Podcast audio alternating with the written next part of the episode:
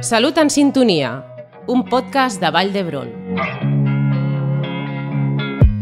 Hola, què tal? Com estem? Benvinguts i benvingudes al desè capítol de Salut en sintonia. Avui parlarem sobre l'al·lèrgia, que és una malaltia del sistema immunitari. Aquesta es caracteritza per una resposta exagerada a factors externs, coneguts com al·lèrgens, que no són nocius per a la majoria dels individus. Poden ser polens, fongs, peix d'animals, aliments, picades de vespes o abelles i medicaments, entre d'altres. En funció d'on es produeix el contacte amb l'al·lèrgen es pot manifestar de diferents maneres. Per exemple, quan inhalem polens per l'aparell respiratori, podem presentar rinitis o asma. A nivell de contacte en serien un exemple l'urticària o la dermatitis, i en alguns casos pot ocórrer afectació de múltiples òrgans i sistemes, després d'un contacte ràpid amb l'al·lergè, provocant una anafilaxi. En aquests següents minuts parlarem dels símptomes de les al·lèrgies, de com tractar-les i de consells per tal que ens afectin menys, entre altres temes. Per fer-ho, comptarem amb les veus especialitzades de les professionals en al·lergologia de l'Hospital Vall d'Hebron, la doctora Paula Galván i la doctora Anna Sala.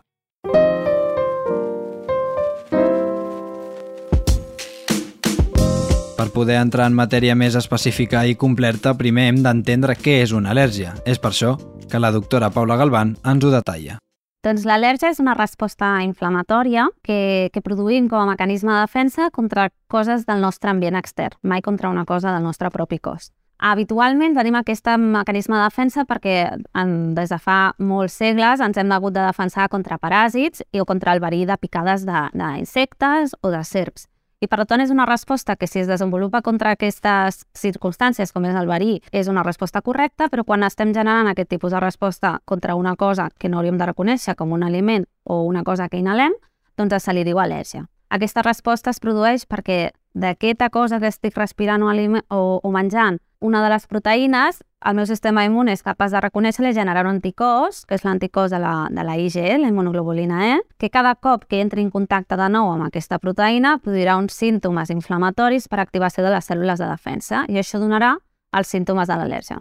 I us preguntareu quins són els símptomes? Doncs segur que teniu algun conegut o familiar que té alguna al·lèrgia a algun aliment que li causa reaccions de picor o d'aparició de faves a la pell. Anem a detallar-ne els símptomes. Poden aparèixer aïlladament en l'àmbit respiratori, abdominal i cutani, tenint en compte la via d'exposició als al·lèrgens i produir diverses malalties com l'asma. En casos greus poden arribar a combinar-se símptomes a diferents òrgans i sistemes i produir una situació de risc vital coneguda com anafilaxi. Segons l'àrea afectada poden produir-se símptomes respiratoris com picor de nas i ulls, obstrucció nasal, degoteig nasal, ofec, sensació de cos estrany a la gola, sibilació al pit, sensació d'ofec i tos. Símptomes digestius com poder tenir dolor abdominal, diarrees i vòmits. O símptomes cutanis amb l'aparició de faves, una inflamació elevada de la pell i de color vermell, tant aïllades com generalitzades per tot el cos, o un eczema en zones de contacte. En cas d'anafilaxia, els símptomes esmentats tenen tendència a combinar-se en la primera hora després de l'exposició als al·lèrgens i, de vegades, s'hi afegeix sensació de mareig i pèrdua de coneixement que requereixen urgentment l'ús de medicació i valoració mèdica.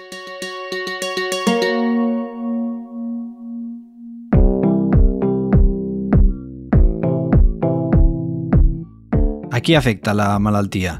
L'OMS ha arribat a classificar les malalties al·lèrgiques entre les sis patologies més freqüents del món.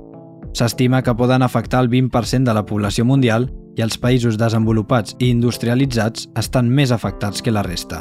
En el nostre entorn es calcula que una de cada quatre persones pot patir algun tipus de trastorn al·lèrgic al llarg de la seva vida. L'especialista en al·lergologia, la doctora Galván, ens explica que el més freqüent és que les al·lèrgies apareguin a les primeres etapes de la vida. Poden aparèixer a qualsevol edat. Per això els al·lergòlegs veiem pacients des de petitets fins a gent anciana. De fet, el més freqüent és que l'al·lèrgia aparegui en els primers anys de vida i posteriorment durant l'adolescència del segon gran període en què la gent es fa al·lèrgica. Tot i així, tenim adults que, sobretot a aliments o a medicaments, es fan al·lèrgics quan són grans. No es disposa de dades definitives de la freqüència amb què es presenten les diferents malalties al·lèrgiques. Malgrat això, sí que tenim dades fiables sobre el motiu de la consulta als al·lergòlegs per part dels pacients espanyols. La rinitis al·lèrgica amb un 54%, l'asma amb un 23% i l'al·lèrgia als medicaments amb un 17% ocupen els tres primers llocs. Durant la segona meitat del segle XX, les al·lèrgies han experimentat un increment espectacular i han multiplicat la seva prevalença per 5 en els països desenvolupats. Sembla, però, que la tendència en l'última dècada és cap a l'estancament. Fins i tot s'observa un lleuger decreixement.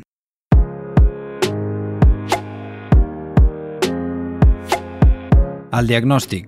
Les proves d'al·lèrgia s'utilitzen per identificar les substàncies a les quals un pacient està sensibilitzat.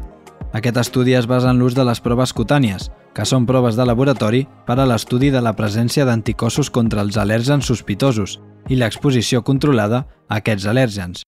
La doctora Anna Sala de Vall ens detalla en què consisteix la prova més habitual. Com qualsevol malaltia, la, prova principal o el més important és la història clínica, no? preguntar al pacient si hi ha una relació entre un al·lèrger, sigui aliment, medicament o bé picadura d'insecte, amb els símptomes que ha tingut. Un cop tenim clar que pot haver-hi una al·lèrgia potencial, farem les proves en funció de, de la malaltia que tingui el pacient. Des de proves aquí al braç, que són les més conegudes, que són, es posen unes gotes braç, tant poden ser d'extractes de pneumol·lergents, és a dir, pol·lens, àcars, etc, o bé aliments, i es fa unes punxadetes i es mira si hi ha reacció o no. Si realment algú surt positiu, el que fem és fer una anàlisi de sang per detectar realment si té anticossos contra el que pensem que realment és el responsable. És important mencionar que ara existeix el diagnòstic molecular, perquè el pacient no és al·lèrgic a un aliment en si, sinó a una proteïna que hi ha a l'aliment. Per tant, aquest anàlisi molecular permet acotar i especificar a la proteïna en concret a la qual el pacient és al·lèrgic.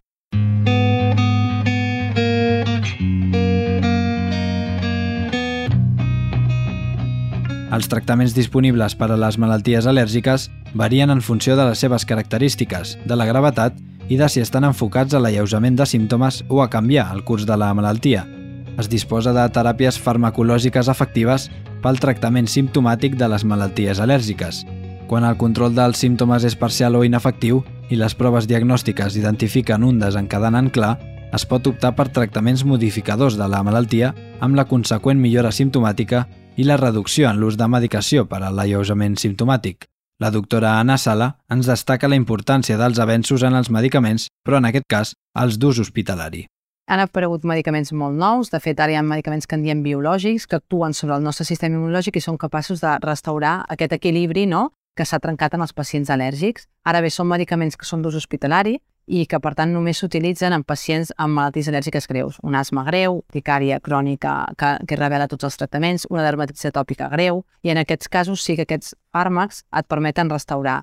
Curar, curar en alguns casos que, de nens, per, exemple, que tenen al·lèrgia alimentària, en alguns casos que acaben fent una tolerància natural. I això ho podem interpretar com a, a curació no? d'aquesta al·lèrgia, però realment curar, que tu deixis de tenir símptomes no vol dir que s'hagi curat l'enfermetat en si, sinó que deixes d'expressar aquests símptomes. No? Llavors, els fàrmacs nous sí que ajuden a que el pacient doncs, estigui millor i estigui controlat. Com amb totes les malalties, la recerca és molt important per tal de poder avançar en el diagnòstic i el tractament, com és el cas amb aquests nous medicaments.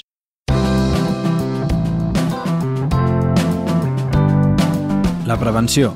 Actualment encara no hi ha recomanacions específiques per evitar l'aparició de la malaltia, en el cas concret de l'al·lèrgia als aliments, s'ha observat que la introducció precoç dels aliments considerats tradicionalment com alergògens, a partir del quart al sisè mes de vida, pot reduir el risc d'aparició de la malaltia. Per tancar les intervencions de les professionals d'avui, la doctora Paula Galván ens confirma que la genètica pot tenir el seu paper. Sí que és veritat que hi ha una predisposició genètica, és a dir, segons si els meus pares són al·lèrgics o no, jo serà més probable que em faci al·lèrgic, però no només depèn d'això perquè sabem que tenim pacients que no tenen cap familiar al·lèrgic o atòpic i es fan al·lèrgics. I això és perquè l'ambient té un gran, un gran paper en això. Depèn d'on vivim, a què ens exposem, què és el que mengem, quines infeccions passem, si tenim animals a casa o no, influirà en què jo acabi podent-me fer al·lèrgic. La part genètica de l'al·lèrgia solen ser gens que predisposen a un problema amb les barreres de defensa, és a dir, amb la pell o les mucoses, que fan més fàcil que les proteïnes al·lergèniques entrin en contacte amb el meu sistema immune. I després hi ha uns altres gens que el que regulen és la resposta inflamatòria i, per tant, poden fer més fàcil que jo generi una resposta inflamatòria de tipus al·lèrgic. Així doncs, la genètica en l'al·lèrgia existeix, però no és la principal causant de la malaltia, ja que l'ambient també juga el seu paper. Les idees clau d'avui, en un minut.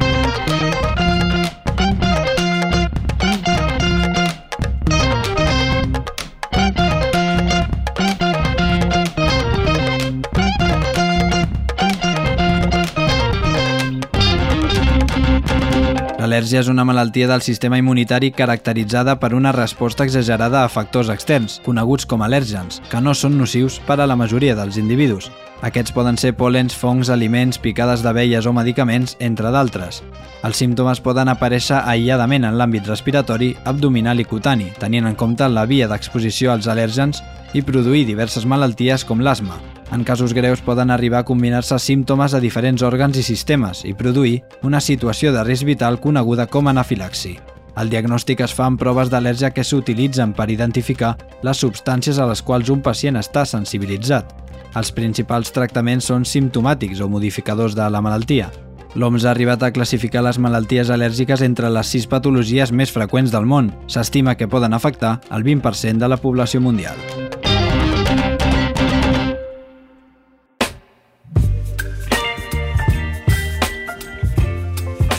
Fins aquí el desè capítol de Salut en sintonia sobre l'al·lèrgia. Estigueu atents als següents programes per parlar de més consells de salut, més tractaments, més malalties, però sempre amb veus de professionals assistencials. Gràcies per l'atenció i la confiança. Ens escoltem en el següent programa. Fins aviat. Cuideu-vos.